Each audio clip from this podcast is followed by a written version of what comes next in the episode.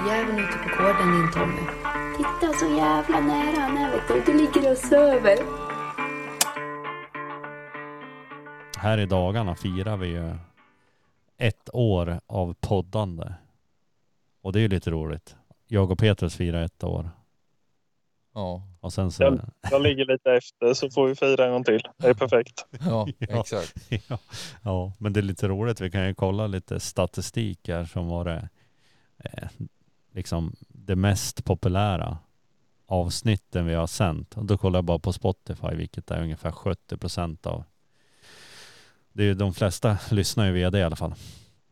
Nej, men det, det populäraste avsnittet och, det, och som vi kollar över tid eller all time också. Det, ja, det är ju Rasmus Boström som har varit det populäraste. Och det är inte så konstigt för att han är ju vår, en som håller på längst och en som har fått, tror jag, flest i hela Sverige att, att hålla på med det här som vi håller på med egentligen.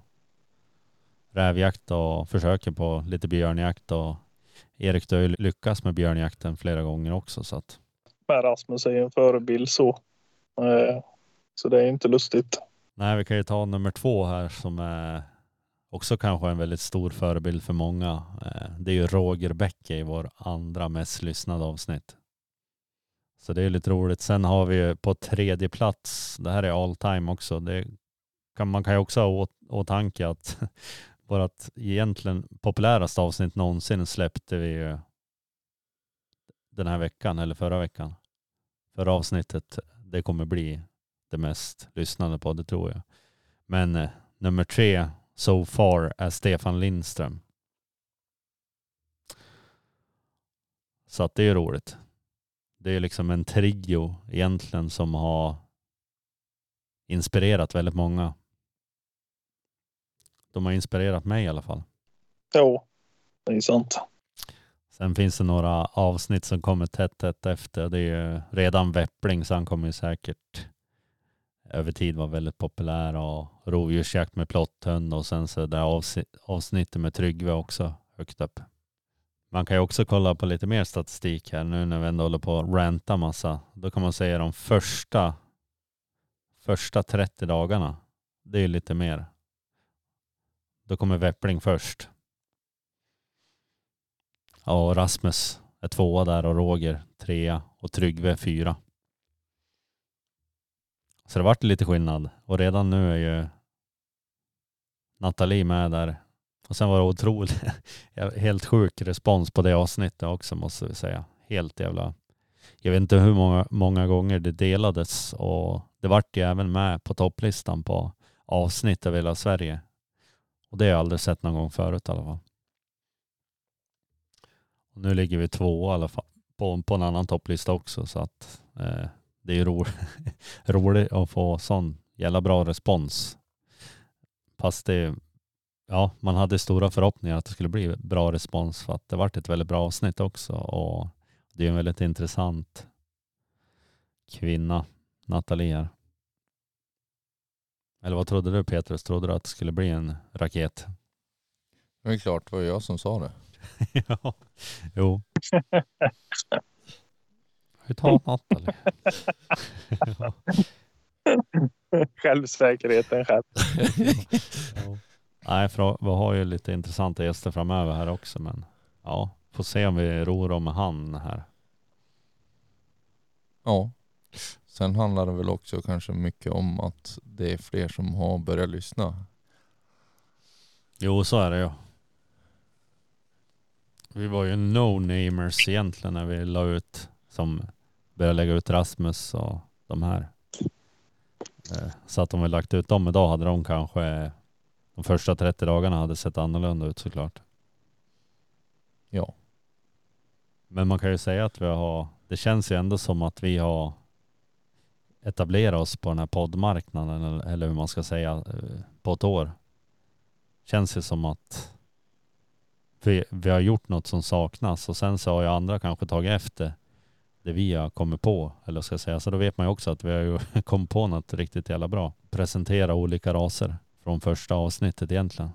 Ja. Och nu har vi gått över lite mer på kanske mer jägarprofiler och intressanta människor och prylar. Så låt oss presentera Kristoffer Wackfeldt. Han har jobbat på fritid och vildmark och han har även haft en egen podd. Han brinner för rovdjursjakten med finstövare och han är initiativtagare av just rävsektionen som vi ska prata om idag. Välkommen till podden. Ja, men tack för det. Uh, ja, Kristoffer Wackfeldt heter jag. Uh, kommer ursprungligen från Bohuslän, från Hedekas. Och är uh, uppvuxen där med taxar. Farfar hade tax och pappa har tax. Då var jag upp till Norrbotten för ett antal år sedan och jagade björn. Och tyckte det var ju spännande och kul så jag var faktiskt inne på en jaktbutik här i, i Piteå då samtidigt. Då skulle de anställa en kille så eh, jag hade turen och fick det jobbet så jag får bara hem och packa. Tänkte jag stannar tills jag lyckas skjuta mig en björn och ha lite roligt här uppe ett tag men det är 12 år sedan nu och jag har skjutit några björnar men jag är fortfarande kvar. så det har varit fru och barn och hästgård och mera hundjakt. Ja, det låter härligt. Men vad är det för hundar du har i dagsläget? Då? Jag har sett att du har några stycken. Ja, i dagsläget så står det en plott, en finstövare, en tax och en terrier här, en parson terrier. Det var länge sedan jag hade så lite hundar om man säger så, men, men eh, det är full fart nu med barnen rider ju och tävlar och sen så är det fotbollsträningar och fotbollskupper och så. Lite har man dragit ner på det, men man, man eh, kämpar fortfarande på med det man har. Jag ser du, du har eh, daglegans Rixa och det är ju från Daniel Lång och han är ju en medlem i rävsektionen också har jag sett. Mm. Eh, Rixa är nu sex år och eh, jag pratade med Daniel när han skulle ha den här kullen så att jag var intresserad av en valp. Och eh, hade turen att få en så när jag kom ner till Daniel jag hade inte valt någon valp utan han hade valt ut så fick jag den här valpen i armen, armarna och sa den här ska du ha för det är den jävligaste och galnaste vi har. Den jagar tyskterrier runt huset hela tiden. Och det var hon. hon jävligt jobbig hund. men, men det vart ju bra. Och hon lugnade mig ner sen. Hon var en tre, fyra år hon också. Men, men eh, det är mycket motor, mycket att köra med i den där hunden. Och hela kullen vart ju bra där faktiskt. Men eh, vägen till eh, den första räven, var den, hur var den då? Ja, den var enkel med henne. Alltså det, det, hon var ett självspelande piano. Jag har inte lagt mycket energi på henne i injagning utan det, det, det satt. Jag hade ju några Foxhounds innan jag började med eller när jag köpte Rixa. Och då gick jag väl en del i spåren och höll på och gjorde ju de här klassiska. Bara släppte på åtel. Och liksom fick ju inget sök på dem. Så Riksa var jag väl lite mer ja, men släppte lite ifrån åtlarna, kanske en 500-600 meter så hon fick söka ut och liksom komma på något rävspår. Uh, för de är ju runt omkring åtlarna så, så henne fick jag ju lite mer sök på. Men, men jag kan inte minnas att den där fröken någonsin har kommit tillbaka utan det, det är bara att hämta henne vid ett gryt eller vad det nu blir. För det, det är mycket att köra med som sagt. Men den är efter Torres, den eh, mytonspönna? Nej? Nej, hon är efter Lumi och Metal. Eh, Lumi är ju efter Torres. Ja, precis. Ja, så, så han är ju i stamtavlan. Känns som att många vill ha Torres i stamtavlan. Jo, han, han har lämnat bra hundar och, och, och mycket jakt i dem. Absolut. Det, och det var ju en unik hund. Jag har ju fått jaga med Torres ett par gånger. Jag har faktiskt bommat en björn för Torres. Och um, det fick jag ju höra ganska länge av Daniel och även av... och, uh, det, nej, det är en väldigt unik hund, eller var en väldigt unik hund, Torres. Mycket klok hund. Ja, var Erik som inte kan, kunde vara med idag för han fyllde år och hade massa främmande. Han har ju också en daglegans. Mm, precis. Och det, den fungerar bra om vi säger så. Jo. Nej, just de här linjerna som, som är i, i Lumi där och de, de har ju varit bra. Problemet idag är ju att när man ska para riksä att alla de bra, eller de, de, många av de bra hundarna är ju de här linjerna. Det börjar trånga till lite men det löser sig nog. Men det här med rävsektionen, eller först hette det väl rovsektionen och då var ju nästan Petrus involverad i det där, i det där. eller hur var det Petrus? Och de ville att jag skulle vara i alla fall. Sen vart det ju ingen. Du brukar ju ha en tendens till att gå i stöpet innan det blir någonting den där. Om jag fattar det rätt.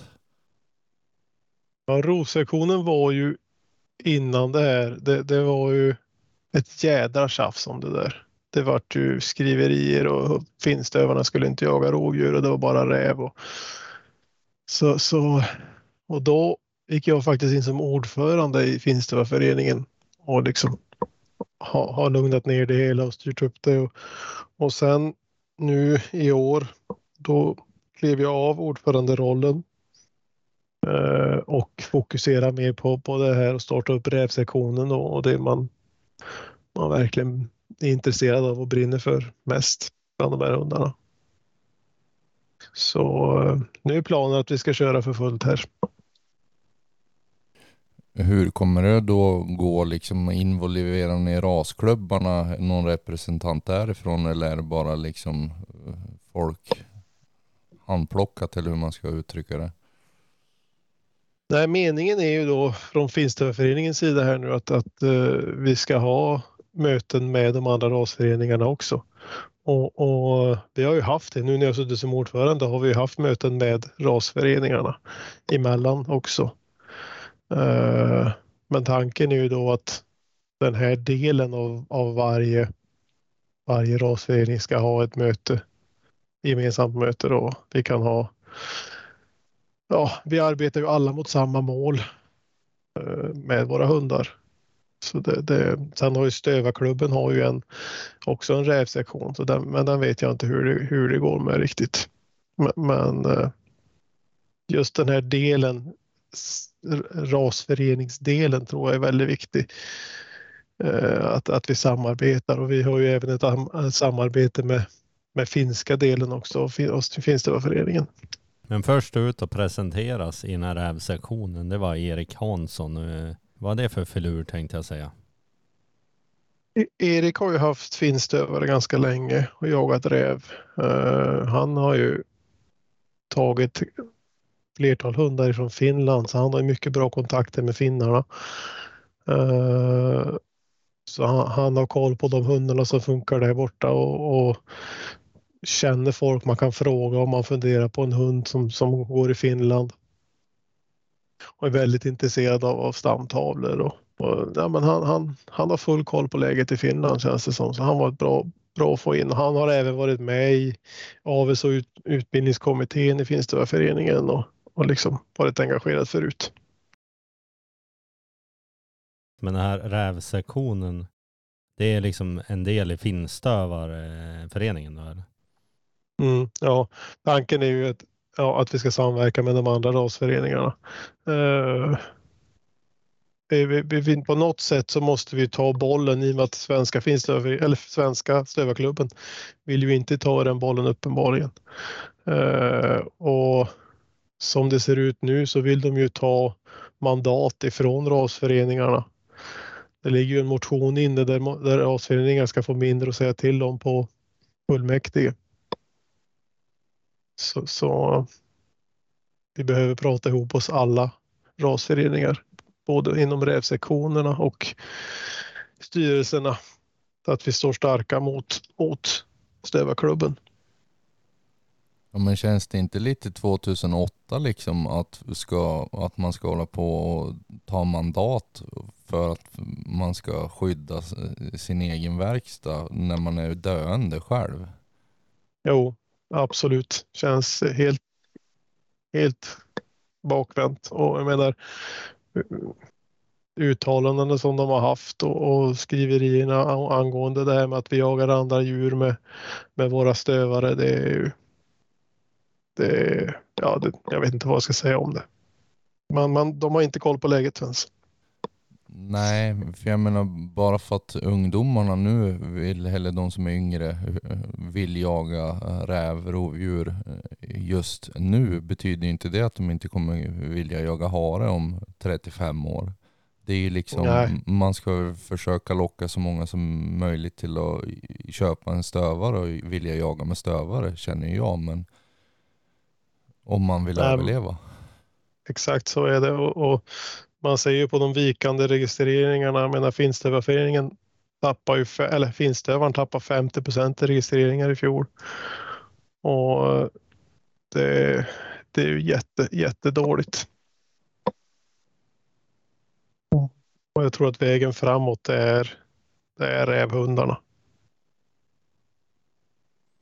Det ser man ju också på Smålandsstövare. Eh, liksom, om det inte vore för alla som ändå är liksom medialt, eh, visuellt, eh, så hade det, det liksom ser ju, hade det sett ännu mörkare ut tänkte jag säga. Det föddes ju, hur många var det, nya, nya valpregistreringar i år? I fjol var det 28 stycken tror jag. Ja, just det. Så att det är ju inte en livskraftig eh, ökning, alltså det Stam. måste, stam. Så att, eh, ja, och de flesta som börjar jaga vill jag jaga rovdjur och, men det har de stor förståelse för också att det är, det är väl rasens, eh, om vi säger räddning. Mm. Men jag tycker att de flesta rasföreningarna verkar ha det, det tänket utan det är, det är ju själva huvudstyrelsen, Stövarklubben som, som motsätter sig det här. På grund av att man säger att i stadgarna står det att hundarna ska jaga räv och, och, och hare. Det är det vi ska jobba med men stadgarna skrevs väl för hundra år sedan ungefär. Så. Och tittar man på på finska finstövarföreningen, eller där heter det bara finska stövarföreningen för det är ju nästan bara finstövare. Där står det i deras avelsutvärdering att, att man vill propsa på att hundarna är mångsidiga och, och, och att eh, ett hot i framtiden är hundarnas, alltså stövarnas eh, rykte som, som eh, storviltshundar, att det kommer in importer istället för att man använder de inhemska stövarna. Så där, där har de ju vänt på det helt och hållet. Jo men är det inte så att det finns ett lodjursprov i Finland också som man tycker man borde kunna implementera till svenska sidan? Mm. Jo, både lodjursprov och björnprov finns ju. Det är ju, det är ju ett anlagsprov både för, för björn och lodjur. Och jag vet att det tittas på uh, lodjursprovet i alla fall. Uh, så vi får se vart vi hamnar. Men det är ju, det är ju godkänd eller icke godkänd. Det är inget rent jaktprov om man säger utan det är för att kolla intresset på hunden. Och där har de ju gjort en lista nu på finska sidan där du, där du kan fylla i uppgifter om din hund om den jagar lodjur, varg eller björn och även vildsvin. Så kommer den in i en avelsdatabas som, som finnarna har, ett pdf-dokument som ligger på hemsidan. Där kan du se hunden och vilka meriter den har och om, den, om det skjuter björn, varg, lo eller, eller vildsvin för den. Det som blir lite snett är ju att det är ju på, det är ju inga provformer utan det är ju hö, alltså vad, vad ägaren säger. Eh, Men, men, men de har ju tagit ett steg åt rätt håll i alla fall. Och sen så har du hittat någon som heter Emil Åber här som var nä- näst ut och i den här rävsektionen här. Eh, han är från Dalarna här och där verkar det vara ett stort intresse av att jaga räv vad jag kan förstå. Jo, jo det är det. Eh, Emil har ju också jagat med stövare länge men man har gått över på, på rovdjurshundarna nu de senare åren här då med tanke på hur stammen ser ut där nere på, på rovdjur. Och det är som du säger, det är ju ett bälte där som, som är, är mycket folk som jagar med stövare. Så, så det är bra att få in lite, Emil är ju den som kommer in med lite nytt friskt blod. Och har haft en kull här precis med en kullbror till, till Rixa. Och efter, efterfrågan är ju enormt stor på, på finstövare. Det är, ju- det är ju sanslöst. Men, men det är ju också där vi måste passa oss lite att det inte blir en massa omeriterade parningar hej vilt för att folk har sett efterfrågan då. Utan vi vill ju att folk ska meritera sina hundar på räv. Jo, men det är en sak som nu, om man nu ska eh, kritisera Stövarklubben, det är just det där att de verkar ju bomma att 95% av jakten kommer att bestå av liksom rävjakt. Mm. Sen så eh, om det nu råkar vara eh, 15 hundar som vill gå ett björnprov så kommer inte det förstöra någons har hundar. Nej, precis. Och det, det är eh, Det, nej, de har, de har tappat fattningen helt och hållet. Alltså, det här också med att man går ut med att man ska passa sig och avla på avla in skarpa hundar för man vet inte vart aveln tar vägen. Men jag menar de, de här hundarna vi har idag, det är ju, det är ju de hundarna vi avlar på och det är de vi vill fortsätta avla på. Det är inte, alltså, det är inte så att vi ska avla in något nytt. Nej, och det är inte frågan om att avla på attackhundar för de så kallat skarpa hundarna brukar ju vara de som är lugnast rent mentalt också. Så det är liksom, Jo. Nej, men det, det tycker jag man ser på hundutställningarna också att våra kära rävhundar de, de springer fint på utställningarna och domaren kan ta i dem och hantera dem och så kommer det några andra linjer då, då är de oftast ofta rädda och svansen mellan benen. Så, så nu har vi stabila hundar, absolut. Men hur fick du med Daniel Ånger den här rävsektionen? Jag trodde han hade köpt rever och blev kristen eller? ja men fasen, vi måste ju ha någon farbror med för framtiden. Jag menar, han måste ju vara länken mellan harjägarna och rävjägarna när han, nu när han har köpt drever. Så han, han kommer ju sitta på sitt harpass nu förmodligen. Ja, precis. Nej, vi, jag frågade Daniel om han var intresserad av att vara med och han var väl lite sugen på det för att se vad som händer och hur, det utvecklas framåt. Han har ju varit med länge. Jo. Så, så nej, det var kul att han hängde på tåget. Jo, exakt. Absolut. Och det är, det är väl många som har hundar med hans eh, linjer i, du, Torres där. Så, att, Ja, precis. så det är ju en bra affischnamn också att ha med i den här. Ja. Och det är många. Och sen är jag som sagt en jävel på att baka mandelkubb och koka kaffe. Så. Ja. Jo, och det är, grejerna ska man ju inte sticka under stol med, väldigt viktigt. ja, men det är så när, vet, när man börjar komma upp i den åldern som han har. Då är det sju sorters kakor när man kommer och hälsar på. Och det är, ja, korsordet ligger framme. Nej, men det, jag tror att det kan bli riktigt bra och vi har liksom tempot här nu och kunna jobba lite framöver. Och det är som sagt, det gäller bara att få med mer folk och, och få in mer medlemmar för, för vi måste, vi måste vara starka idag mot, tyvärr, tyvärr måste vi idag vara starka mot Stövarklubben som, som vill minska vårat, vårat inflytande. Att vi ska ha mindre mandat att säga till om. Det känns ju som att eh, de här rävhundarna, det är ju ändå någon slags räddning på stövarasen och speciellt nu tänka när älgjakten kanske blir mindre och mindre och, och folk vill jaga med hund så kommer de ju förmodligen, många av dem välja just en rävstövare. Känns det som. Mm. Jo, ja, men det är ju nu det finns chans att bygga upp. Alltså det, det är som du säger, älgstammen är som den är och, och räv finns det alltid att jaga nästan. Så Det, nej, ja, ja, det känns rätt i tiden. Och sen så är det ju, alltså vi vill ju få upp antalet registreringar och finstövare för räv och rovdjur. Alltså vi vill ju öka, öka upp mängden. Nu har jag inte kollat hur fördelningen ser ut på antal födda valpar på harlinjer och rävlinjer. Men eh, på Rixa här nu, det, det, är alltså, man blir ju nerringd. Det finns ju efterfrågan. Och det finns ju hundar där ute som, som, som skulle kunna gå i avel men som behöver liksom ett, ett pris på ett rävdrev. Sen om man startar och får en tvåa eller en trea eller en etta eller vad det nu blir. Men huvudsaken är att man tar sig ut. Det är det som är lite synd. Man hör ju många helst liksom, om man säger som de här kändisjägarna, många av dem är ju nästan mot jaktprov känns som. Och det är liksom, Mm. jag förstår inte det för det, det kan ju skjuta räven. Alltså, Jo, jo det, är ju, det är ju en jaktdag och jag menar det, då vill de ha snabba hårda hundar många av dem. Ja men då kanske man går i prov och så har man fått en tvåa men då kan man i alla fall läsa i provbiljetten att du kanske grytar två rävar den dagen. Eller tre rävar för den delen om du är en hård och snabb hund. Uh, och fast man har, den har gått på slag i en och en halv timme på ena räven, ja då vet du ungefär vad du har för, för anlag i den där hunden. Eh, om du vill para in med det eller om du vill vänta. Men, Eh, Ja, för alla hundar som är bra tar ju ett prisprov. Så ja, bara. exakt. Så, så nej, jag tycker det, det är synd att inte fler startar på, på rävprov. Men som sagt, det, det går ju uppåt.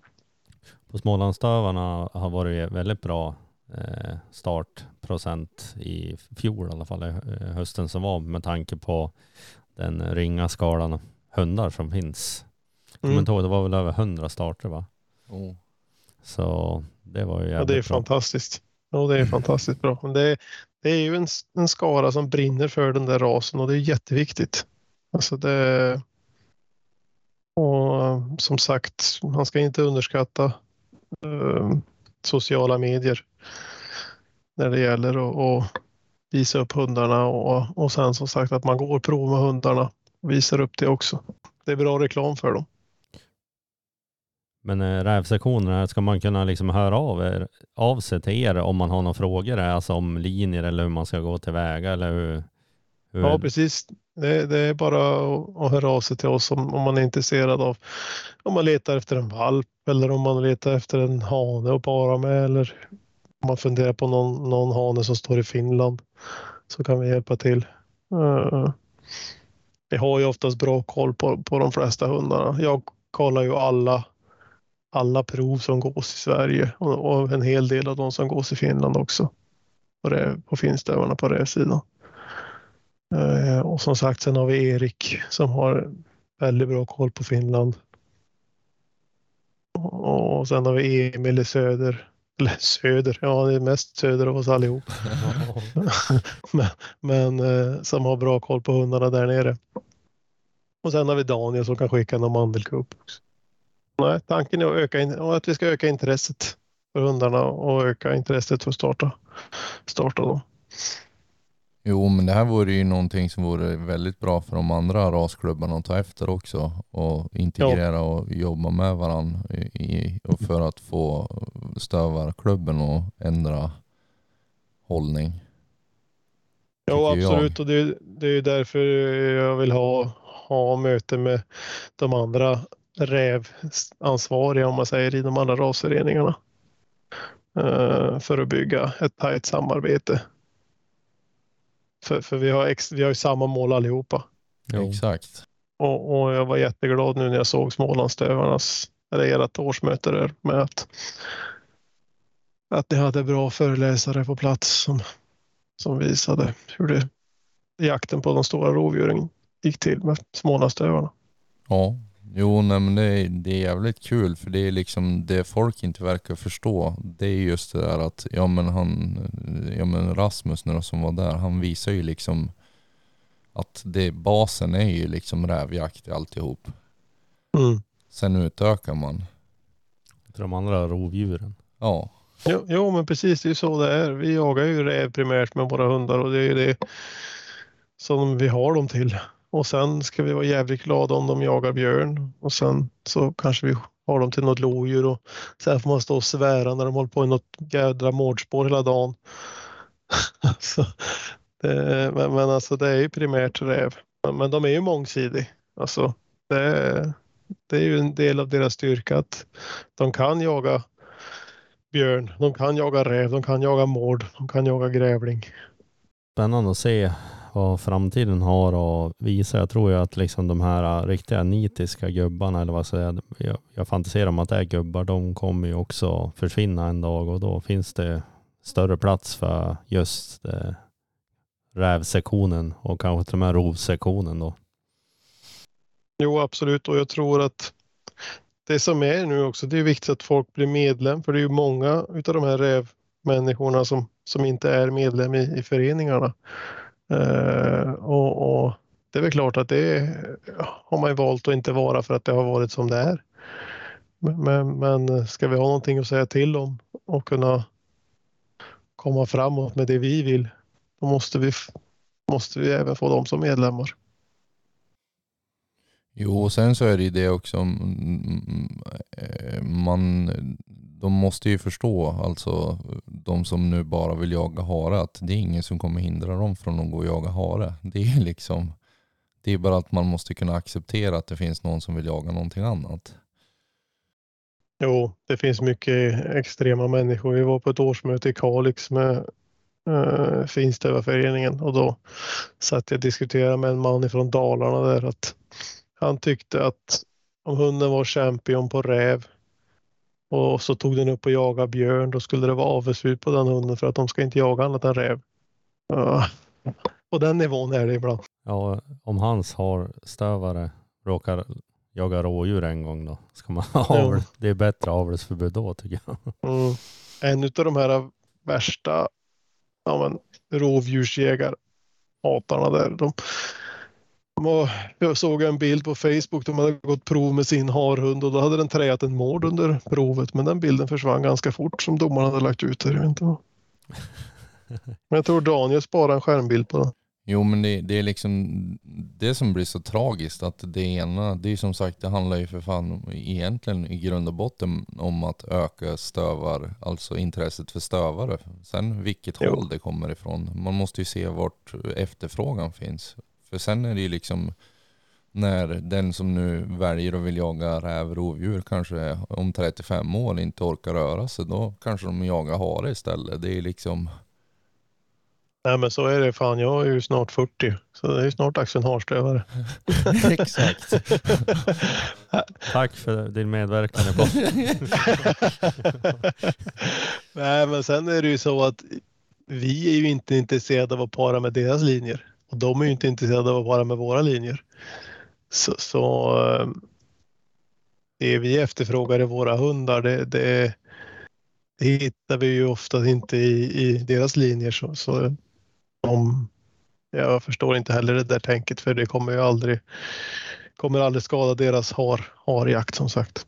Det finns ju även unga som, jag känner ju två som är ganska unga som har skaffat, alltså som håller på med harjakt så det finns ju även ett intresse där också.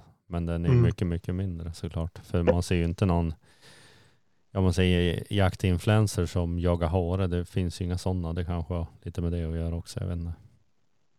Nej, men det, det är som du säger, det finns ju ett fåtal där också. Det är ju jättekul att jaga hare med stövare. Det är inget snack om saken, men det är ju inte det jag brinner för idag, utan det är ju rävjakt med stövare och terrier och tax. Men hur har dina, din stövare daglegan där? Du har prövat den på björn också antar jag, för det är ju ett intresse då. Jo, det har jag gjort och hon jagar björn. Eh, det gör hon, men hon, hon, hon ståndar dem inte. Eh, jag körde den ihop med jämthund jag hade några gånger och det funkade bra. Då stod hon och hade ståndskall med henne också. Men själv då, då skällde hon inte. Sen vart det ju den där, den där klassiska jojo-effekten när man körde en stövare och en spets.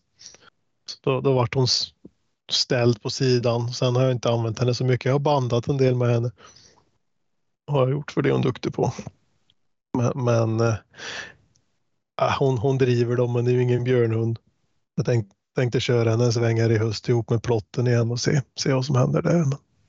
Ja, du har en plott också som är, är den ett år drygt? Han, är, han är, blir två år i april. Så han ska testas ordentligt i hösten nu får vi se vad han hittar på.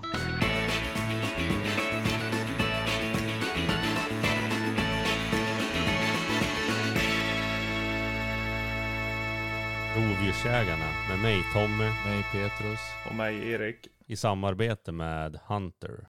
Men hur gick det till när du lyckades skjuta din första björn? Här? Var det för någon jämthund eller vad var det? Ja, jag hade två jämthundar då. Uh, och ja, nu börjar det vara ett tag sedan, men, men uh, det var, det var ju stånd, ja, det var ståndskall i en, ja, en tät, tät, tät ungskog. Och det var som emellan två vägar. Eh, så jag hade en kompis med mig som jag skickade på ena vägen och så gick jag ner på den andra. Så jag kommer gå in på det här. Men jag har bara fyra skott med mig, så när det smäller fyra smällar då får du fan börja springa. Så, så, jag började smyga in på det där och såg ju björnen på, ja, kanske 30 meter redan.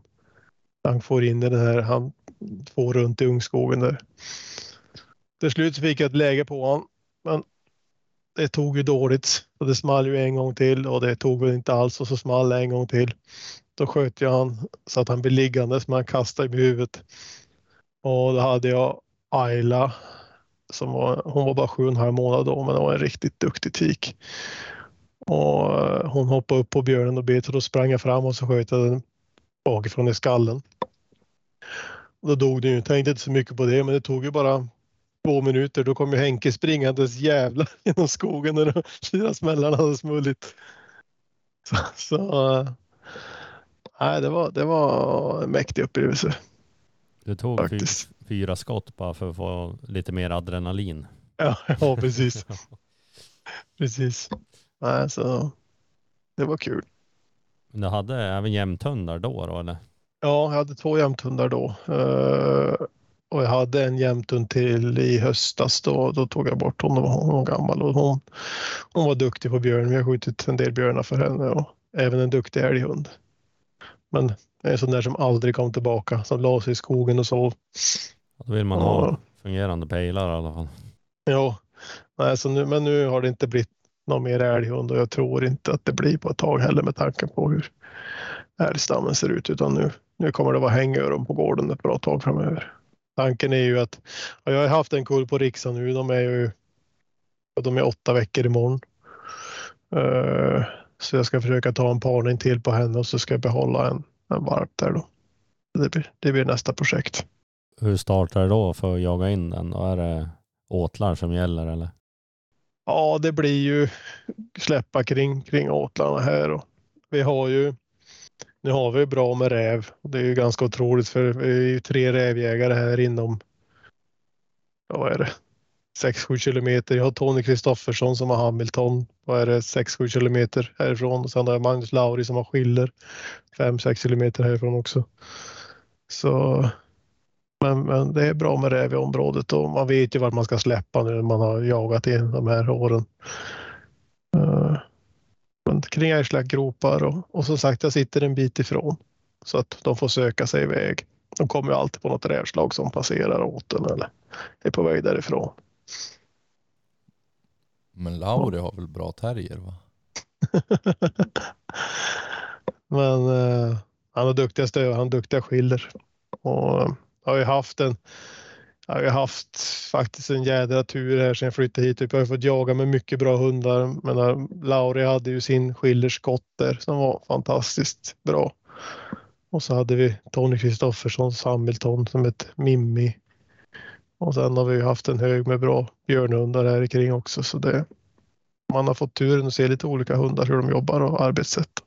Nej, så, nej, det är kul att se lite olika raser faktiskt. Det enda vi inte har haft där i närheten det är ju Småland. Då. Vi har inte haft någon Smålandsdövare här. Det kommer väl förhoppningsvis. Ja, men Magnus dömde väl Kristoffers tror jag. Jo, jo precis. Han var inte så gammal då. Nej. Jag vet inte om han hade upp tre rävar den dagen. Mm. Och lyckas inte få, ett först, få ihop till ett första pris ens. Nej. Ja. Så börjar man ju av med en Artemis så. Ja, den Jaha. vart kvar i någon stengryt. Jaha. Ja. ja, vi får se nu. Det är ju, terrier är väl också något som är på gång. Hon är sex, sex år nu och taxen är åtta år så vi får se vad det blir för grythund här nu nästa gång. Ja, Eh, det är ju också en eh, liksom genre som ökar känns det som i popularitet de senaste Mm. åren. Mm. Grytjakten i alla fall. Eh, rävsprängare. Jo, jo, det gör det. Och, och både taxen och Parson terriern tycker jag vi har lite bekymmer med, med eh, att det är mer och mer som inte används till jakt. Eh, där ska ju tyskarna ha en, en stor eloge för det. De hundarna används ju bara till jakt. vad Jag kan se, men det är väl för att det är bara idioter som orkar med dem. Ja, är det de, så? jo de säger ju det. Nej men vad heter det? Jag tror att de har ju tjänat mycket på det här att ha kvar ryk, skitrykte. Alltså Ja. de vill inte ändra på det av den Nej. anledningen. Nej, det är jättebra. För jag menar, när jag har parat min Parson-tik här två gånger, det är ju inte lätt att hitta en hane alltså med, som, som jagar. Och när vi har varit på utställningar så är ju hon, ja om det inte är varje gång så är det nästan varje gång som hon är ensam i jaktklass. Utan det, det är och, och, och taxarna är ju likadant även på drevlinjer och grytlinjer är ju att det börjar ju bli mycket stora utställningslinjer, alltså utställningshundar. Och taxarna får ju starta jaktklass om de bara har ett viltspårprov så det är ju mycket viltspårprovshundar och utställningshundar som väger 15-17 kilo. Är för fan som Så. stövaren. Ja. Jo, för... Nej, det, det är en trist utveckling. Men Parson, är inte de ganska vanliga i Finland? Jo, Så att det är lättare att komma åt material därifrån. jo, jag sålde faktiskt varp till Finland nu en hane som jag hoppas kunna ha lite koll på. Och sen så har vi Erik Hansson som är med i resektionen har en, en Parson-tik som verkar bli riktigt duktig som vi ska försöka meritera här i höst och då blir det ta med en finsk hane där. Eh, de har ju lite annan mentalitet i Finland. De är ganska skarpt de hundarna och de jobbar ju som förliggare men, men eh, det kan hända vi behöver få in det i, i terriern. Jo, och sen är väl det också en lite, alltså finnarna vill ju att gräva. Eh. Så det kan väl vara därför också. För jag menar de sparkar ju mer eller mindre igen hål om det är någonting som är på väg ut därifrån. Mm. Jo, exakt.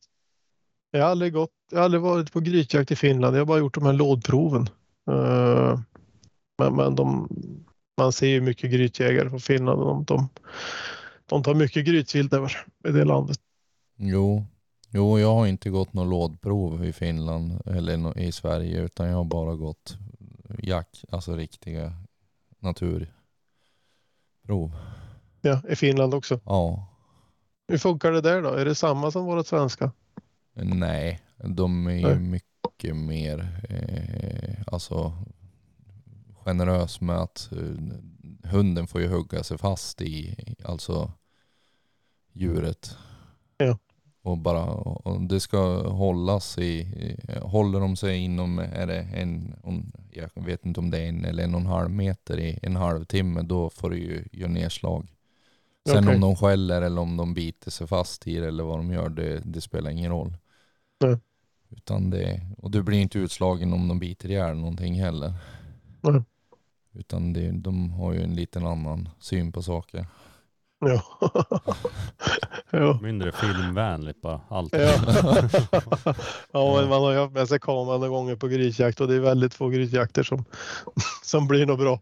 Det blir alltid något kaos, någon räv som smiter mellan benen och någon, ja, ni vet hur det är. Jo, Jo. Ja, men, men eh, det är ju en del av det hela med rävjakten. Det är ju, det är ju grytjakten. Man är ju bara halv utan grythund. ja. Men det Nej. säger de ju även, alltså de som håller på mycket där att eh, i Finland att foxterriern är jättesvår att hitta något material på. Okej. Det är liksom jättesvårt. Ja, vi, har, vi har haft två, två foxterriers här uppe. Jag har bara jagat med Lauris och sen har Tony köpt den också. Eh, Men annars har vi haft mycket Parson och, och även tysk och det är ju tack vare Peter Wikström. Han hade ju både tysk och Parson så det har kommit in mycket den vägen. Folk som jagar med han. Men det känns ändå som att det finns ett intresse där alltså som går tillbaks några år i tiden också. För där, här, där vi jagar så finns, har inte det funnits i alla fall. Nej, här, här har de ju hållit på länge. Jag vet inte hur. När jag flyttade hit, eh, det är ju 12 år sedan nu, då hade ju, jag är ju mest med Tony, då hade han ju Kelly och Mimmi och Kelly var ju redan då säkert 5-6 år, terriern. Eh, Och den kom ju från via Wikström och han hade ju haft Parson innan dess och tyskar också då. Så det har funnits länge här uppe. Men där du jagar mest, hur är, buktar de mycket eller är det mycket långskjuts där också? Eller? Det är mycket långskjuts. Det är det absolut. Det, jag tycker i början på säsongen då har man lite buktande drev. eh, Men har man skjutit bort dem till slut och då kommer det mycket räv utifrån. Vi har ju en stor soptipp några marker bort här och där kommer de ju ifrån och så får man upp dem då är det ju bara raka spåret. Eh, sen är Riksa bra på att ha dem. Hon håller dem ju ovanför jord. Det är långa drev. Eh, men eh, det är ju fortfarande värdelöst när det får rakt fram. Det är inte lika roligt. Nej, nej, det är värdelöst. Men hur ser, hur ser Smålandsdövarna på framsidan då? Vad är nästa arbetsprojekt? Det är väl inkorsning av för att få in nytt blod. Ja. Jag ska ju försöka göra en rasvårdsparning med en skiller. Ja. På min äldre sik. Sen så kollar de ju och försöka göra som skiller och ta in nå någonting ifrån Europa. Så får vi se hur det går då. Det kan ju vara väldigt intressant med, med skiller. Det jag gillar då det är ju att när man tar de här raserna som vi har här är att man vet ju vad man får lite. Du vet bakåtliggande sjukdomar och du vet hur, hur de jagar. Jo, jo men exakt. Sen så är det ju det också. Det är ju på ett vis så kan man ju ta en hund som kanske är svår att hitta i sin in, lilla eh, ras och avelsbas ifrån den andra rasen då. Mm. För jag vet inte om du vet vilken Daniel Jämt är. Jo, jag känner igen namnet. Ja, han är ju, mm, vad heter de, Bergsjös kapten Ren och Mm. ja, det är, ja, de hundarna har ju gått jävligt bra på rovdjur så det är liksom det får ju som ett större utbud om man säger så för det blir noll i inavelsgrad hur den beter Mm. sig. Mm. Det var jävligt intressant den hunden som du ska para med. Eller, för den har ju gått jävligt bra på björn. Och den är ju Mm. bara, bara, ja från ett år har han egentligen gjort bra hundjobb. Mm. Och då har han ju ståndat dem själv också. Det är ju jävligt intressant faktiskt. Att få in en sån hund. Uh, nej, vi har ju inte det bekymret på Finstava-sidan. Däremot så är det ju linjerna som fungerar är ju tight. Alltså de som fungerar på stora rovdjur. Det, det är ju uh, vissa linjer som har visat sig jättebra. Sen är det väl så att de som har de linjerna är väl de som visar framfötterna också. Men, men eh, är ju om man ser på om man ser på Torres, Metal och Lynx till exempel. Det är ju tre hanar som har haft jätte, jättemånga kullar. Eh, så det är mycket avkommor efter dem som fungerar jättebra. Eh, men de, de blir ju väldigt nära besläktade. Det är väl det att leta guldkornen i, i Finland och Sverige också. Så man kan få, få in andra linjer i de här linjerna och, och fortsätta arbeta åt det hållet. Då. Ja, du tänker inte lägga ner och köpa en, en taxi igen nu då? Nej, i sådana fall blir det en ny gryttax, men jag är så jävla less på att gräva. Så, um, jag har haft två stycken. Vad är det för gryt där ofta? Det är liksom ej grävbara gryt nästan i stort sett. Nej, faktiskt inte. Här på den här marken är det, är det fina gryt. Det är grävbara. Uh, det är de. Jag har ju varit, man är ju väldigt effektiv med taxen för man behöver ju inte bomba när även kommer ut. så, så, träffprocenten är bra med grytrevolver. Men, men eh, eh, det är ju kul med sprängare och vissa, vissa gryt kan man helt enkelt inte ha med taxer. Det, det är ju så. Det är, eh, det är stenigt och klippigt men jag gillar ju rasen och jag kommer säkert köpa mig en gryttax igen framöver för bättre hund på grävling det har jag inte haft. Ja, de jag har sett har varit bra klipp i dem ändå liksom. Det är det. De, de är hanen jag hade. Vad gammal var han? Jag jagade ju bara ovan jord med han. Jag bodde söderut och sen träffade jag en kompis som heter Johan Axelsson som har korthårstaxar. Han tyckte jag skulle komma och prova att jaga gryt. Och eh, det var Turbo som han hette. Han var, han var fem eller sex. Då var vi nere i Sala. Och hade ett stor, stor grävlingsborg där så jag gick ju fram med han där och han tittade på och sen försvann ju han. Och två timmar senare då hade vi kommit ner till han, då låg ju han där själv. Och så, då var han klar. Han visste vad han skulle göra. Uh, längsta han har legat det är väl fem timmar innan vi kom ner till honom ungefär. Det var tre och en halv meter. Det flyttade sig en gång när vi var på tre meter ungefär. Så det, och dottern som jag har efter han här hon Hon är också jätte, jätteduktig, men henne kan man kalla ut. Så det har ju varit en stor fördel, men hon ligger ju tills man kommer ner. Om man inte ropar på hon. Men så det fanns liksom så djup rotad i den där då? För jag antar att det var drevlinje bara då? Eller? Ja, ja, det var bara drevlinjer i den. Och det är samma med tiken här också som jag har. Det är ju inte några nå grytlinjer, men det finns där. Eh, och det är som det, de har en jävla pondus, taxarna. Eh, de är vass, de backar inte för någon. Eh, jag gillar den där rasen. Det är, det är bra hundar, men, men man blir bekväm med rävsprängare. Men då måste man öva på skytte till nästa bekymmer. Så det är så jävla Ja. dyrt att skjuta nu för tiden. Ja. Jo. Ja, Jag brukar låta bli om man är två. Då kan man liksom skjuta sist jag hade ju så jävligt tur när jag jobbade på jaktbutiken. Det var ju mycket dödsbon så jag hade fan ammunition flera år framöver. Men i och med att man skjuter så dåligt nu så börjar jag ju ta på det. ja. Och så när man börjar med det med ammox så är man ju ännu mer snål. Så det... De är ju jävligt effektiva. Ja, de är det. Jag tog ju hem dem där för några år sedan från Finland. Började testa lite och det, det jag har ju aldrig något annat på drev nu för tiden. Vare sig jag jagar rådjur eller räv. Långt har du skjutit? Vad längst har du skjutit och döda ett djur med, med dem då? Räv har jag skjutit på ja, stegat då. 70, 70 steg. Rådjur har jag skjutit på 62. Eh, Jag sköt tre rådjur i samma pass när jag var hemma en sväng på västkusten och jag och då, då sköt jag. Jag inte minns fel så var det 50, 58 och 62 meter och det var en smäll i varje och den på 62 den sköt jag rakt framifrån och det slog av båda frambenen och slog in i bröstkorgen i lungorna på den. Så du skulle ha haft lite sån ammunition och sålt där då. Ja, Vad bra reklam.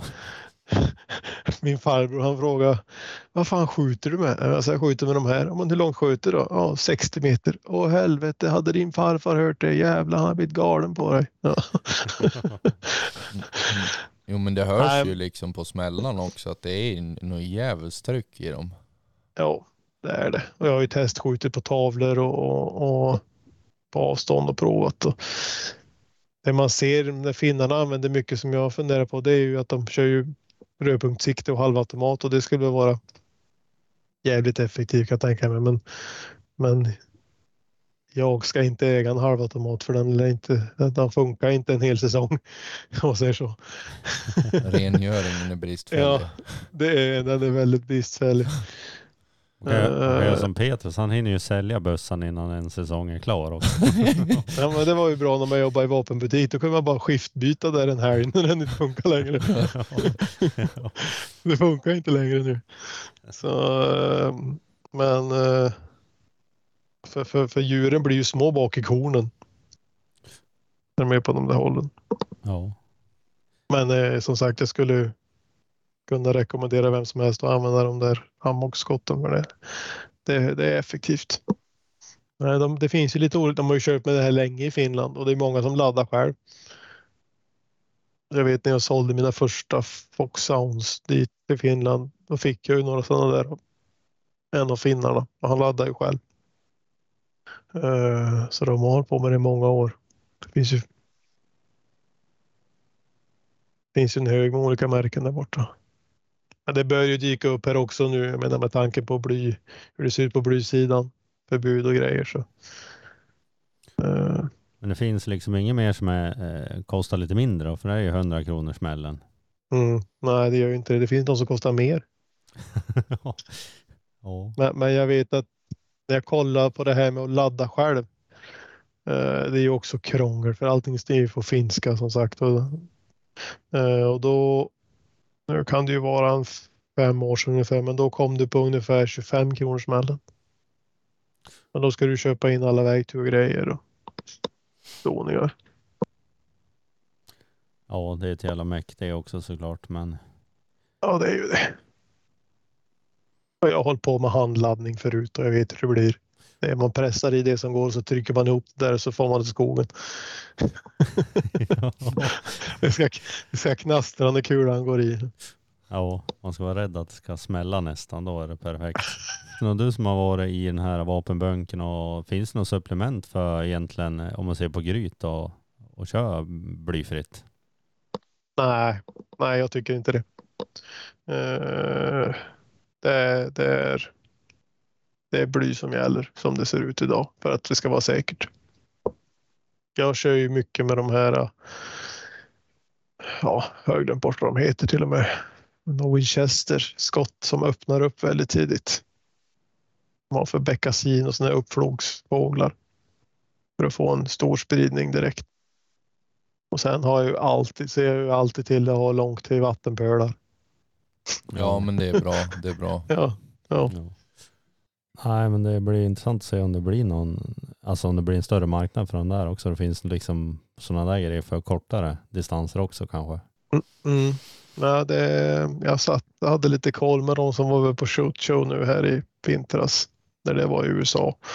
Och det kommer mer och mer där borta också. Men det som händer i USA nu det är ju tre år bort innan vi ser det här oftast. Eh, så det är ju lite olika tungstenar och lite hel, helvishot och sånt där. Vi får se vad som dyker upp och sen har ju allting blivit så dyrt med frakter och, och få hem grejer. Ja. En 100 kronor smällen, om man, om man vet att man träffar varje gång på en drevräv, då är det ju värt det. Men om man måste ha fem sex skott, då börjar det nästan grytjakten vara mer lockande tror jag. ja, jag har ju någon räv som kostar typ 600 spänn i fjol. Men, Ja. Det skulle varit bättre betalt för skinnet, då hade det kanske gått mer jämnt ut. ja, problemet är att när man väl träffar då är det ju typ två meter så då blir det ett stort hål i skinnet istället. Ja. Du som har varit lite mer i det här vapensvängen, vilket, om en rävjägare kommer in på en affär och ska köpa ett vapen, vad är, vad är den populäraste? Då är det halvautomat eller är det de här bockarna eller vad är det, drilling eller vad kör de? Det är bockar som är populärast. Eh, bock eller ett tag var det väldigt populärt med sida-sida, alltså äldre Husqvarna sida-sida och de här. Men, men i med tungstenens framfart och stå, eller inte stålet men eh, ammox och det här så har ju bockarna ökat. Eh, vissa kör ju halvautomater också och, och de funkar ju bra idag. Alltså det är ju sällan du har bekymmer. Ehm, det, det absolut. Men eh, jag ska säga att den stora majoriteten det är ju ett, en hagelbock mellan 8 och 15 000 som, som, som går. Och jag skulle, alltså är du ny på det här ska börja då, alltså en hagelbock för mellan 5 och 10 000, en Winchester eller en Beretta eller vad du nu väljer, det, de funkar ju oftast väldigt bra. Och jag har ju haft allt, men allt som går att ha ifrån 5 000 till 150 000. Och idag har jag det jag började med en gång i tiden och jaga med så, så allting fungerar. Jagar mycket grytjakt också, det är lätt att man liksom typ står där och slår med vapnen för att Mm. de ska komma ut kanske. Ja. Ja. Helvete. Du vet, jag har ju haft, alltså, jag har haft drillingar, dyra drillingar, men det är ingen idé. Jag har ju insett själv att det, det, det är ju alltid en ny skada på bössan när man kommer hem. Har man inte dratt den i bildörren så har man ju stoppat ner i någon grytklippa för den ska stå där medan man håller på och gräver. Så det, nej, det, jag gillar ju de här, det har ju kommit några hagelbockar med syntetkolv. Det är perfekt för mig. Ruger har en som är syntet och rostfri, en sån ska man ha egentligen. Vad kör du med då Petrus? Nej jag har bara Benelli-automater nu. Tre stycken. Och så, har du sålt de här bock, bocken? Ja. Den Mm. använder du såg jag. Den fick jag inte ens se. Nej. Benelli-automaten är ju jävligt driftsäker. Det Jo. borde ju till och med fungera för dig. Jo. Ja. Nej, jag kommer ihåg att den rostade ihop helt. Den berättade jag hade. Alltså det var helt stöm. Ja, man, har sett, man har sett mycket roligt inom de här åren man har jobbat med det här. Tack för att ni har lyssnat på det här avsnittet. Del två finns redan nu på Patreon. Glöm inte att följa oss på Spotify. Vi finns även på Instagram. Rovdjursjägarna podcast. Vi hörs nästa vecka igen.